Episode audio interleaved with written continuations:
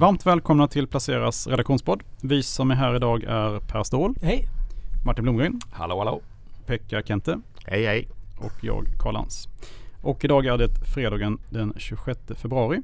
Och vi ska prata om när flöden reverserar, tioårsräntan, svenska investmentbolag, grönt stål och varför en supercykel väntar för cement. Fullmatat. Fullmatat. Grön stål, det känns bra. Jag känner mig hedrad. Ja. Ja. Men, jag, men jag tycker att vi, det är ju ganska rött idag efter rätt stora ras. Nasdaq är ner 7 på några dagar. Pekka, vad är det som händer egentligen? Ja det är väl eh, framförallt en nervositet eftersom den amerikanska tioårsräntan har dragit iväg. Den är ju upp ja, på några dagar med 20-30 punkter. Och, så att eh, räntan har blivit en faktor som, eh, som eh, investerare börjar ta hänsyn till. Och varför stiger räntan? Nej, men det är infla stigande inflationsförväntningar. Det drivs av två krafter kan man säga. Dels stigande inflationsförväntningar i USA. Vi kommer att se höga inflationstal här under våren. Och sen är det det att uh, utbudet av amerikanska statsobligationer kommer att bli rekordstort i år. I år. Så, och även om uh, den amerikanska centralbanken handlar så, så kommer uh, Finansdepartementet att emittera tre gånger så mycket obligationer som Fed köper. Okay. Och sen är det ju en naturlig rörelse i alla. Om vi nu betraktar coronakrisen som en vanlig recession så, så är det här det naturliga, den naturliga ränterörelsen. Den ska ju stiga ytterligare. Det normala när man återhämtar sig efter en recession är ju att eh, skillnaden mellan tre månadersräntan och tioårsräntan stiger till 3,5 procent. Enheter, förlåt. Och eh, så att eh, det, långräntorna kan mycket väl fortsätta uppåt. Hur mycket då, ska de upp då? Det, det, är väldigt svårt att säga. Eh, någonstans finns det en gräns. Men det är väl kanske inte nivån i sig som är så skrämmande utan det är själva hastigheten i uppgången. Som jag tror skrämmer investerare. Just det, jag såg en intressant datapunkt här att igår kväll var det väl då som tioåringen gick över direktavkastningen på S&P 500-bolagen. Just det, en och en halv procent ja. ja mm, så att man precis. kan då få högre avkastning på en eh, tioårs statsobligation än på eh, utdelningen på aktier. Så vad nu den observationen är värd för att de, de där, den har ju legat över tidigare. Men, men det bidrar ju på något sätt till, som du är inne på, att, att själva riktningen och hastigheten är det som kanske skrämmer. Stökar det till andra flöden? Du har pratat om det tidigare, om du är en global investerare, då har du hellre du har sagt det själv, 1,5 procent i amerikansk tioåring. En minusränta i en tysk tioåring. På något sätt om, ja, du, om du har fria mandat så att säga. Ja, så på, på sikt, det talar ju för att ränteuppgången inte ska bli så stor heller. Nämligen att någon gång så blir det attraktivt att gå in i amerikanska statsobligationer för de stora fonderna. Eh, vi kanske inte är där än men säg att eh, räntan stiger till kanske 2,5 procent då börjar det bli riktigt attraktivt för en kanske större pensionsfond att ligga i amerikanska eh, obligationer.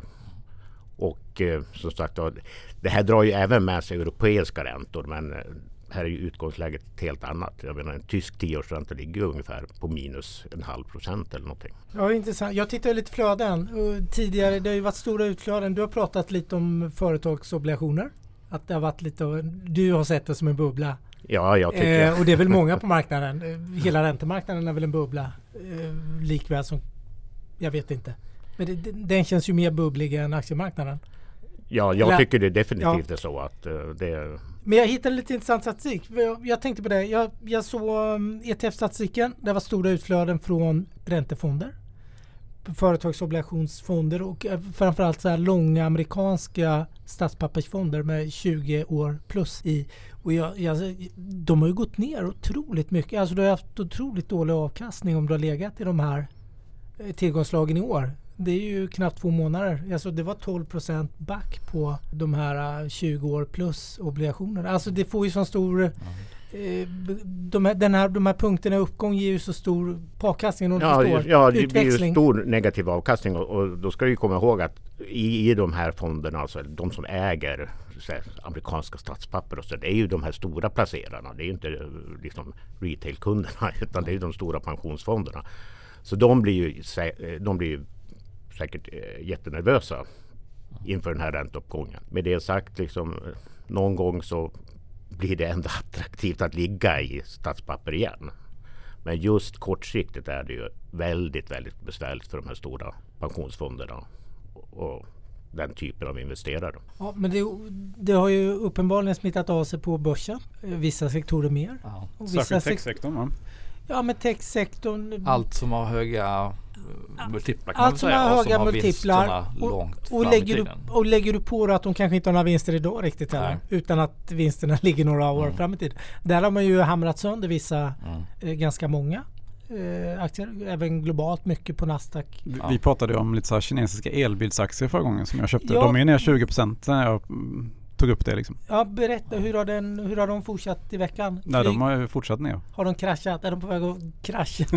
Nej, inte riktigt så. Nej, men om du förstår. Det, det har gått snabbt ner. Det går väldigt snabbt ner kan man säga. Det är, eh, nej men det är, det är lite slakt bland eh, elbilsbolagen. Är det ju verkligen. Ja, men jag tänker på vissa av de här. De, har- de har ju säkert inga institutioner. Lite det Pekka tangerar att det är stora institutioner som ligger i statspapper. Och i, I många etablerade bolag är det ju mycket stora institutioner som har, har det som stora kärninnehav. Men det kanske man inte har i e-hang. Nu ska jag inte hänga ut Nej, dem, just- men, just men det, i- det känns nej. ju kanske... De stora fonderna är inte där eller... Nej, knappast. Mm. Ja, och sen är det väl som vi har pratat om tidigare att man bryr sig inte om värderingen tills man bryr sig om värderingen plötsligt. Och det, det gör man vid sådana här tillfällen när man börjar titta på räntan istället. Och sen, sen kan det vara glömt om två veckor men, men det blir ju den naturliga reflexen att man eh, säljer dem där det inte finns vinster att hänga upp det på eller där det finns något, något att hålla i. Eh, sen hur länge det håller i sig. Jag är nog inne på som vi pratade om förra veckan att, att man tittar mycket på den här ränteuppgången och, och man behöver någonting att peka på för att det behöver gå ner lite grann kanske. Mm, Precis, det är Och väl tror- snarare en naturlig kanske sättning. Inte, ja, och tror kanske inte att det är början på någon, något Nej. ras som vi hade för precis ett år sedan började ju egentligen covid-raset. Nej, nej, det tror inte jag heller. Jag menar, visst, ränteuppgång kommer ju ställa till problem tidvis under hela det här året och kanske åren även efter det. Liksom. Men, men eh, samtidigt, ekonomin är ju på väg uppåt. Eh, vacciner rullas ut. Eh, ja, så att ekonomierna öppnas upp. Eh, Så att det kommer vara väldigt mycket positivt som kommer också. Så att det är svårt att se att börsen skulle tokrasa för Ja. att, Nej, för bara, bara för att räntan stiger. det, det riktigt otäcka blir ju när man måste skruva ner vinstförväntningarna ordentligt och det, det är inte det som händer nu utan vinsterna kommer ju att se ganska bra ut. Dels på grund av att man har lätta jämförelsesiffror och dels på grund av att ekonomin faktiskt är på väg i rätt riktning. Ja, jag håller med. Och jag, jag, har ingen, jag kan inte siffrorna exakt men vad kan börserna vara upp sen eh, presidentvalet ungefär? Eller Pfizer nyheten kablades ut där i november någon gång när börserna började tjurrusa ganska rejält där. Oh, bra Ja, vad kan det vara? 20 20, 20% kanske? Ja. Ja, Mm. men det är tillräckligt för att man kan börja fundera på att ta hem vinster som du säger när man ser en ränteuppgång kanske som en, Mm. en kortsiktig. Och vi, och vi ska inte glömma att, att en ränteuppgång är egentligen en positiv signal. För den säger ju någonting om att, att man tror på en högre tillväxt framöver. Och, Mm. och en högre inflation är inte heller liksom i sig superskadlig på det sättet att det så länge den eh, täcks av liksom ekonomisk tillväxt eller Mm. förväntningar om ekonomisk tillväxt. Företagen kan höja priserna. Företagen får bättre efterfrågan. För Ja. det, vi står ju inför en avkonjunktur. Jag menar, så illa ser det ju faktiskt inte ut som du säger. Om vi handlar upp, eh, ränteuppgången går för att det blir en bättre konjunktur. Blir det en bättre konjunktur kommer bolagen de facto, allt annat lika på något sätt, och Ja, borde att sälja mer produkter kan, i som min värld. kan höja, höja priserna Mm. lite lättare. Man behöver inte argumentera lika mycket för prishöjningar när det är naturligt att, att det stiger. Så att, eh, Prishöjningen blir en självklarhet alltså. Säga. det kommer väl aldrig någon kund att tycka men, Mm.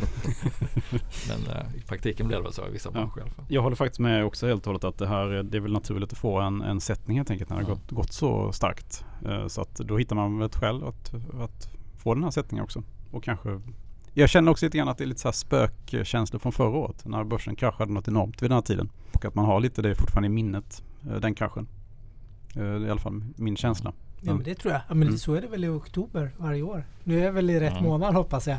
är det september eller Nej men jag tänkte på några svarta måndagar och Ja. Allt vad det är. Det blir alltid lite i media, lite bass in, inför det där. Mm. Så på något sätt sitter det. Men jag har en, en eh, reflektion. Jag gjorde en text i veckan faktiskt om mitt eh, PPM-sparande. Senast jag gjorde en förändring i det här Mhm. var ju såklart i början på april.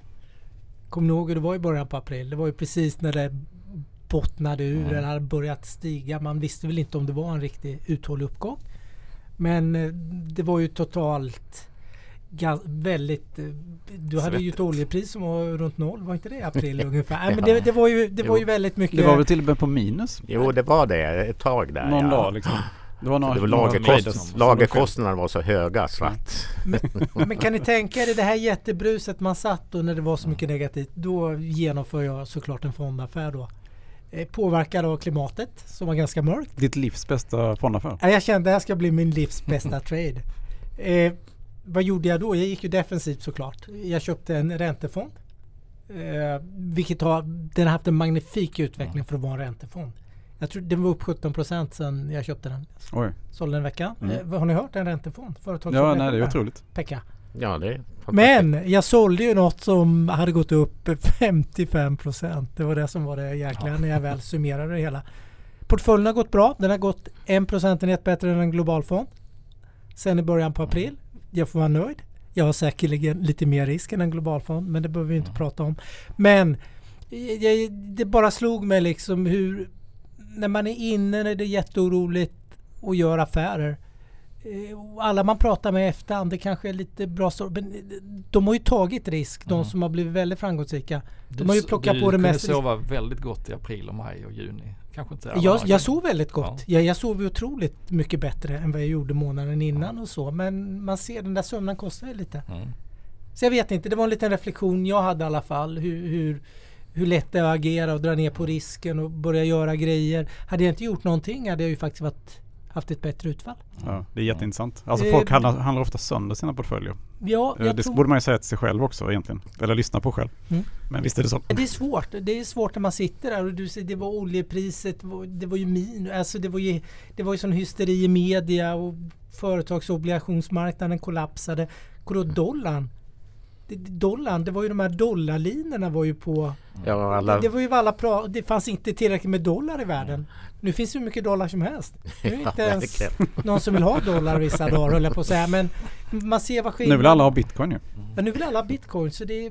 Nej, jag vet, min poäng är lite, det är lätt att handla bort sig. Mm. Och det är lätt att säga, det är en klyscha, sitt still i båten och där. Ja. Men hade jag suttit still så hade det varit bättre. Och visst har man bra, bra bolag eller bra fonder, Mm. still med dem när det går ner. Det är, och köp mer istället. Om du kan köpa mer. Ja, och kan du inte så Vänta bara. ja, vänta bara för du behöver egentligen ingen kassa när det är som jävligast heller uppenbarligen. Men är du, sen, är du klar över varför du gör någonting så behöver du heller inte kanske eh, vara så ångerfull för att du inte fick de där 50 procenten. För Jag- du jag vet är ju- varför du gjorde det Nej. och du sov gott. Och, Jag, jag har fått jättebra sömn av det. Ja. Du har helt rätt. Jag mår kanske lite bättre av att jag gjorde det rent... eh, kanske förlängde ditt liv med Ja, två år. ja. Nej, men sen ska man komma ihåg en sak med, med när folk nu säljer, säljer av obligationer och sånt där. De pengarna ska ta vägen någonstans. Mm. I ett första skede kanske de går till en kassa helt enkelt. Mm. Men sen ska de ju någonstans. Och, och då, då är väl aktiemarknaden fortfarande det huvudalternativet. Så det är ja, Det är fortfarande TINA ju som gäller. TINA som gäller. Alltså there is no alternative. Tråkigt argument i och för sig men, men eh, fortfarande gångbart. Och kommer vara det länge till. Antagligen. Ja, tills räntorna är uppe i 3,5-4 3,5. procent. Det som vi fick eh, 2018 var det gick det över 3% långräntan. Ja, det var det, det som orsakade den paniken. Det var ju på korträntesidan. Det var den amerikanska centralbanken som höjde räntan över 3 procent där. Och det fick ju, eh, då, då det skrämde ju marknaden. Men nu, jag menar, korträntorna kommer inte att dra iväg på flera år. Liksom.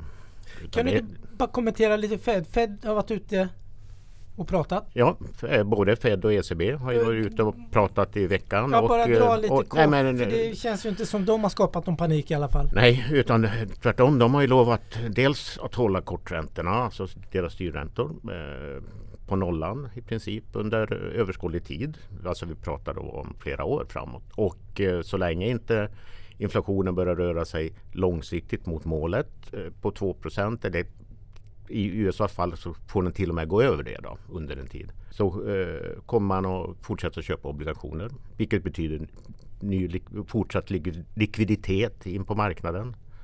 Men det här är ju så att säga luften som de har gett nu under väldigt lång tid. Så det var ju ingenting nytt. Vi såg ju den här den rekyla uppåt efter att eh, Powell hade varit, var ute och talade i tisdags och onsdags. Men eh, ja, han sa ingenting nytt men ändå fick vi ju en, en positiv rekyl. Och fortsätter långräntorna upp så kommer han ju att komma med fler uttalanden för att försöka lugna marknaden. De vill inte heller se någon långränteuppgång i ett känsligt läge. Som sagt var, ekonomierna är fortfarande inte öppna, öppna sådär och, och, och eh, för att man inte ska få en, eh, en konjunkturbesvikelse så är det viktigt att hålla nere långräntorna. Jag gjorde en liten spaning ehm, när det gäller en ny supercykel här som kan vara intressant också kanske i det här sammanhanget. Och det är att det kommer ju ske många konjunkturprogram nu i USA då där man beräknar att vi kanske går in i en supercykel när det gäller cement. Alltså infrastruktur. Infrastrukturinvesteringar. Driva. Mm. Och det kan bli en efterfrågan som man hade någonstans på 1950-talet alltså. Alltså efter, precis efter kriget då, när man hade jättestora konjunkturprogram. Den som är, och samma sak i Europa då när man har en återuppbyggnadsfonden. Så att jag det finns lite intressanta cementaktier som man skulle kunna börja kika på. De har ju redan gått en del såklart. Men uh, en del tror att det fortfarande finns uppsida i, mm. i några av dem. I Sverige, men den största bolaget i Sverige till exempel är Heidelberg Cement och i Europa. Den är väl upp då kanske 30% på sen i höstas. Men uh, där ser man fortfarande en viss uppsida. Var hittar man den på tyska börsen? Eller? Det är tyska börsen precis mm. ja. Det det. Sen har vi då eh, Cemex till exempel i Nordamerika som är väldigt stora. Vulcan Materials en annan intressant mm. cementaktie som man kan ta rygg på när det ska byggas. Jag, jag bara undrar ju, jag tänkte vi ska ju prata mitt efternamn sen, ah. grönt stål. Där är ju mycket debatt om, mm. du kan mycket mer än vad jag kan om det här, men miljön och utsläpp. Cement är ju en riktig utsläppsbov. Det pratas inte lika mycket om det som de gör av stål eller fossila motorer. Och det byggs ju ett nytt Stockholm i veckan. Eller det, det finns ju massor med sådana här mm. skrönor som går omkring. Och det släpper ju ut något oerhört. Bara bygga de här städerna är ju... Det är liksom inte hållbart om någonting och man kanske ska utnyttja det beståndet man har mycket bättre. Ha en skola som man är åtta timmar på 24 liksom inte så jäkla bra. Sen står den tom resten av dygnet och sådär. Och hur man utnyttjar fastigheter och sånt. Som du menar man skulle kunna sova i skolan också? Nej men jag, jag Nej men, du vill lägenhet, nej men jag bara lyfter, om vi ändå ska prata grön, äh, grönt stål. Jag tänker cement, är det någon, några gröna? Jo det finns, finns massa, cement, massa gröna initiativ. Jag tänker, det, om, man nu inte, om man nu är ESG liksom Nej men det är ju ett problem. Eh, cement är väl det värsta miljöboven som finns nästan. Eh, Tillverkningen ja, ligga där strax under stålbolagen. Ja, men de klarar sig liksom. bra för sektorn klarar sig faktiskt bra i debatten ja, har jag ja. tänkt på. Den klarar sig ju nästan alltid. Jag vet att i, i Heidelberg Cement har ju ett verk då på, eh, i Gotland, på Gotland till exempel. Jag har varit där. Du har varit där ja. Åh, mm. Det är imponerande. Ja, alltså det är stort. Men, men, där mm. till exempel forskar man ju en del om hur man ska göra det grönare. Och de pratar ju om att bygga någon, så här, samla in utsläpp utsläppen och eh, hantera det så. Jag vet att det pågår en jättestor debatt och man gör väldigt mycket. Mm.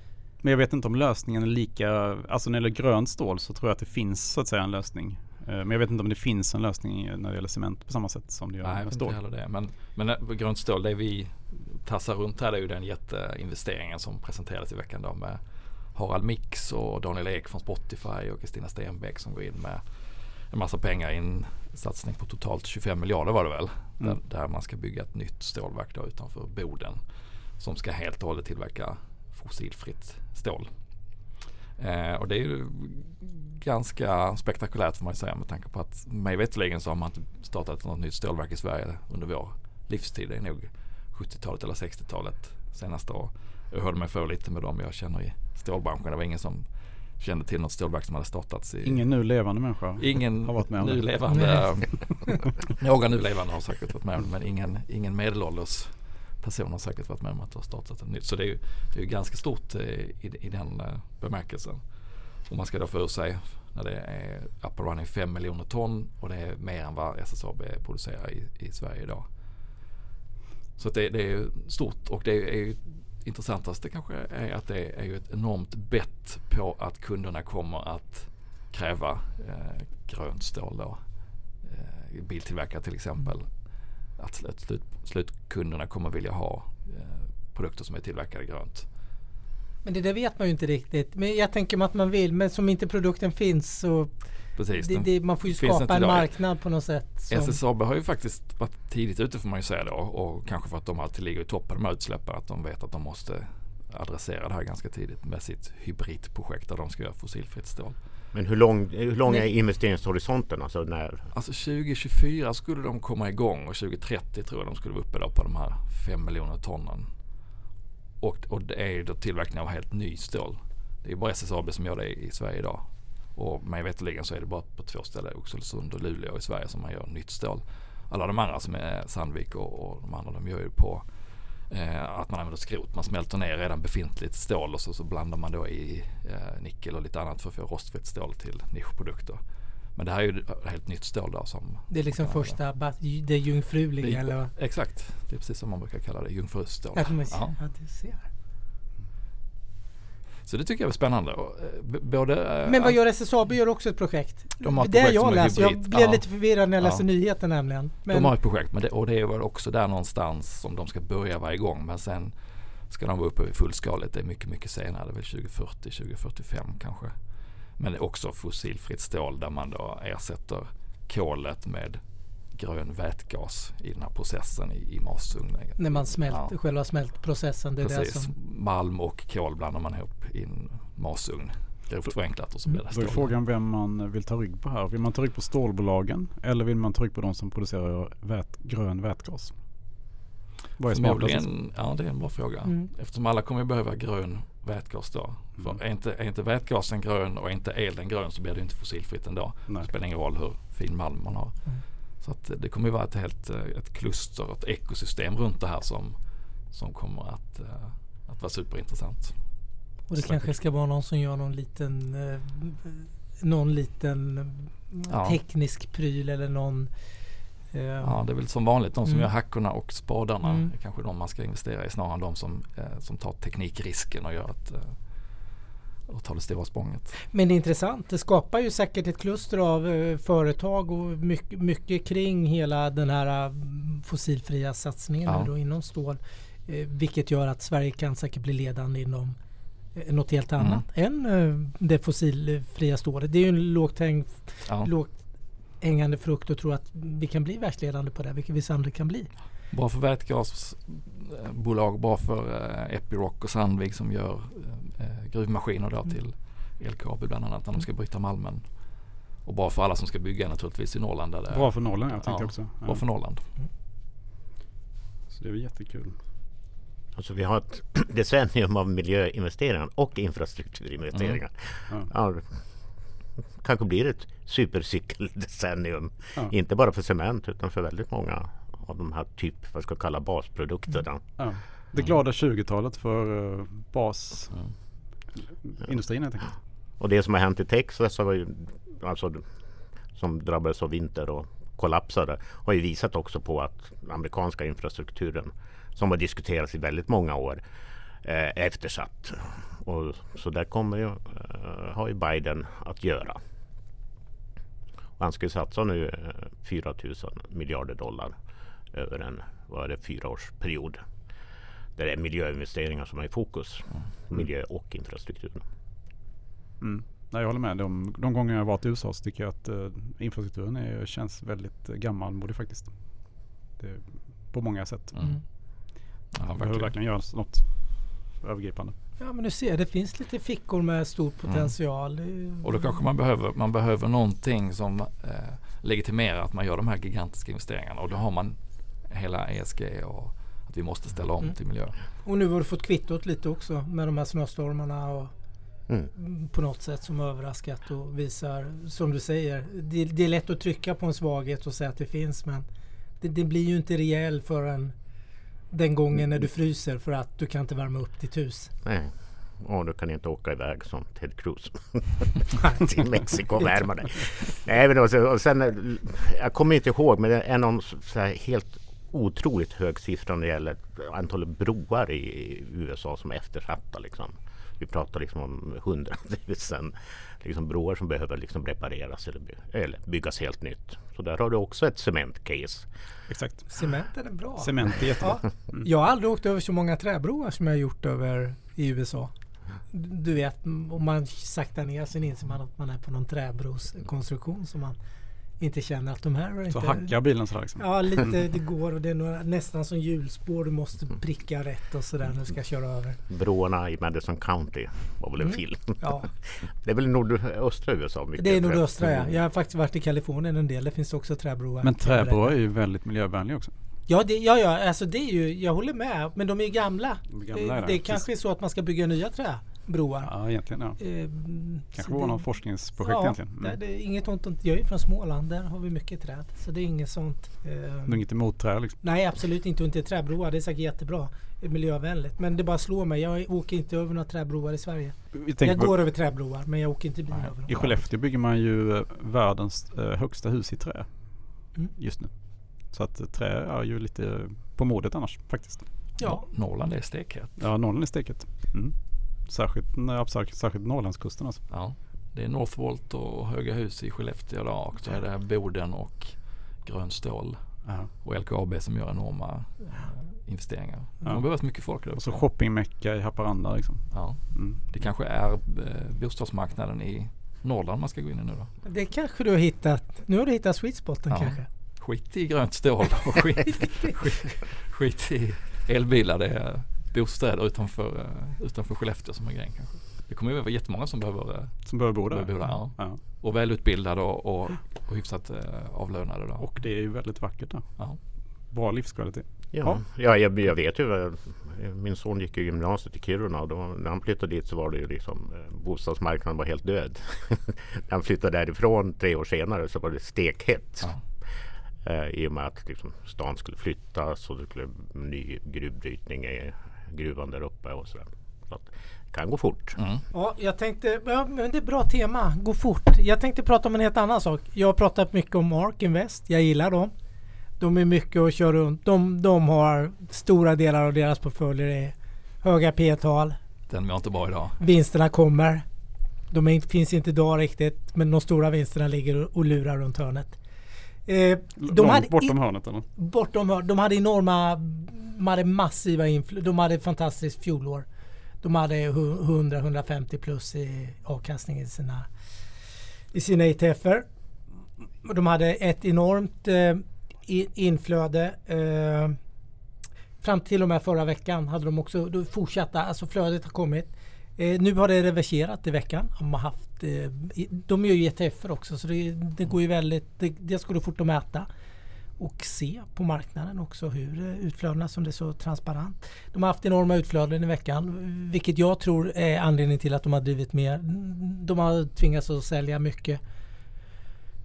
Mycket av de här som du pratar om, mycket av Palantir. Nasdaq-bolagen. Ja men Palantir exempel. till exempel som eh, är ner ganska mycket sen toppen. Nu vet jag att de har köpt mer. Jag tror inte de har köpt mer i veckan. Jag vet inte men de har stora Kan utflöden. de inte göra de här utflödena? Nej. Eh, bara lite på temat. Det kan gå fort. Nu tog det tre år från eh, var det Kiruna blev, var sovigt tills det blev jättehett. Men här tar det bara någon vecka och det, det visar lite dynamiken och just aktörer som är inne i de här små eh, lite mindre bolagen då hur, hur, hur snabbt eh, liksom sentimentet kan förändras. Absolut. I- det är ingen värdering, det är mer bara en observation. Liksom hur, Samtidigt är det så här, är du långsiktigt så kan du bara strunta i det. ja, jag struntar det kommer, ju. kommer bli ja, hett igen liksom. Säkert om det ligger rätt. Men det är ju massor med investerare som uppenbarligen inte då som är alldeles för otåliga på något Mm. sätt. Att, eh, Nej men det gör ju ont att uh, ligga minus liksom. Så det är klart att då vill man gärna få bort det snabbt. Men de är upp rätt mycket. Jag satt och tittade någon, deras eh, Fintech Innovation ETF var upp 28% som mest year to date. För nu är den upp 6 så det är klart den har Mm. hyvlats bort till 22 procentenheter är borta då men den är fortfarande en, eh, 28% på en och en halv månad är ju Känns ju overkligt i sig tycker jag då. Så jag vet inte men jag är mera bara dynamiken i marknaden var det jag ville poängtera. Kan man köpa ARK på något sätt? Nej, Vi de, kan inte det, va? de är inte UCITS kompatibla eller Nej. de går inte att handla i Europa. Så vill man äga motsvarande ARK så får man gå in och titta vad de äger och köpa det i sin tur. Ja, det, det kan man ju göra. Det är ju Mm. faktiskt ett sätt att få lite idéer i alla fall. Mm. Men då kan det bli en rocky ride. Mm. Det har det blivit. Ja. Ja. Så är det. Men de kan vara trevliga också om de går åt Ja, rätt, ja rätt håll. visst är Liksom. det så. Är man uthållig och långsiktig så är det bra. Martin, du har ju kikat Ratos. Ja precis. Förra veckan pratade vi lite om Kinnevik och en stor förändring där. Ett annat investmentbolag eller vad man nu ska kalla dem nu för tiden som har gjort en stor förändring är ju Ratos. Och i, i blixtversionen är väl då att de hade, har ju haft tre ganska tuffa år där de har städat ur. Jonas Wiström som först tog över som ordförande, gjorde eh, ett misslyckat vd-rekrytering och så fick han själv kliva in som vd och har nu i tre år då eh, slimmat ner huvudkontoret, eh, bytt ut lite folk i, ute i portföljbolagen och sålt lite bolag, bland annat Bisnode. Har de sålt Bisnode? Ja, de har sålt den Ja. i, i början på året. Den ville de ju sälja 2007 redan. Ja, den har, den har legat på säljlistan ett tag. Eh, men så de har gått igenom den här klassiska fasen med först stabilitet, sen lönsamhet. Eh, nu är portföljen går ganska bra. De flesta bolag ökar vinsten förra året. Och nu är man redo för tillväxt. Eh, och med hjälp av den här försäljningen av Bisnode har de en, en ordentlig kassa och satt upp ett nytt mål när de kom med rapport häromveckan att de ska eh, nå ett, en eh, rörelsevinst på 3 miljarder. Tar man bort Bisnord från förra året så ligger de på en och en halv ungefär. Så de ska dubbla vinsten på, på fem år och ganska mycket kommer att komma genom förvärv. Så att det finns en stor osäkerhet där vad, att, att det ska komma från bolag som de inte ens äger idag. Eh, men med det sagt så tycker jag att eh, Det är lite som en SPAC då kan man säga det är, det är väl att dra ut, dra ut det väl långt eftersom de ändå har en portfölj som, Mm. som är stabil och presterar nu. Och, eh, eh, men, men de har en, en kassa som är, ska, ska sättas i arbete. I, det, I den bemärkelsen är det som en spack. Eh, men jag tror att, eh, att Jonas Wiström är väldigt, väldigt sugen på att det här ska bli lyckat eftersom han eh, då själv har tagit vd-rollen och städat och ska visa hur det ska göras. Och han kommer från en en vd-roll på ÅF tidigare när han var i många år och eh, lyfte det bolaget från ganska väldigt anonymt till ett eh, av de större teknikkonsulterna med Det gav väl tio gånger pengarna på tio år och sådär. Ja, aktien gick upp mer än tio gånger pengarna och, de, och liksom hela varumärkesresan och de, dels förvär, för, mycket förvärvsdrivet då, så att han, han vet hur man gör när man förvärvar. Sen vill man ju inte säga att de, eh, att de är för heta på gröten på en, en riktigt bra marknad och bara köper bolag för att infria det här målet för snabbt. Nej, det känns ju som allt är dyrt. Allt, allt är dyrt. Det måste även vara dyrt där som onoterat. Ja. Och, ja, jag, jag vet inte. Det, det de kan göra är ju att portfölj, portföljbolagen kan göra tilläggsförvärv som inte nödvändigtvis är, är lika dyra. Så att man kan liksom växa Mm. eh, med lite kontrollerat. Ja. Och sen så kan man då lägga till några plattformsförvärv när man hittar något riktigt intressant som i sin tur kan växa. Så jag tror att det är en, eh, står inför en spännande resa när de börjar komma igång med förvärven, om, förutsatt att de är bra då, så tror jag att fler kommer hitta tillbaka till den här. För den har ju liksom, aktien har ju, den var ju jättepopulär och det var en hög Mm. utdelare och sen, sen har de haft fem, sex jättetuffa år. Eh, och nu ser det ut som att de har eh, bottnat och är på rätt håll tror jag. Nu sätter vi köp på den. Nu sätter vi köp på den.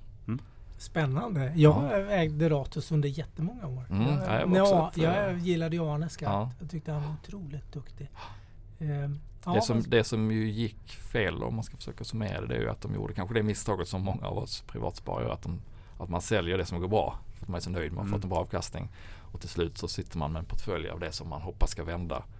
Eh, och allt det vänder inte. Så att, då, då gick det inte fullt så bra. Så dessutom då så hade man en hög utdelningsambition.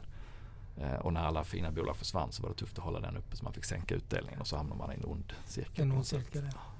Som man nu är ur, hoppas jag och tror. Spännande. Mm. Mm, jättekul. Med ett, med ett hett uh, investmentbolag Ja, ja men har man lite, lite, är man lite uthållig där och är, är med på förvärvsresan upp mot de här 3 miljarderna i, i, i rörelsevinst så tror jag man kommer få en bra eh, avkastning. Ja, ska vi ta helg? Ja, det blev Ja, en bra jag. avslutning. Ja, Ja. tycker jag. Köp Ratas till portföljen. Ja, Ja. mer Ratus i portföljen. Ja. Trevlig helg. Trevlig helg. Trevlig helg. Hej. Trevlig helg. Hej hej.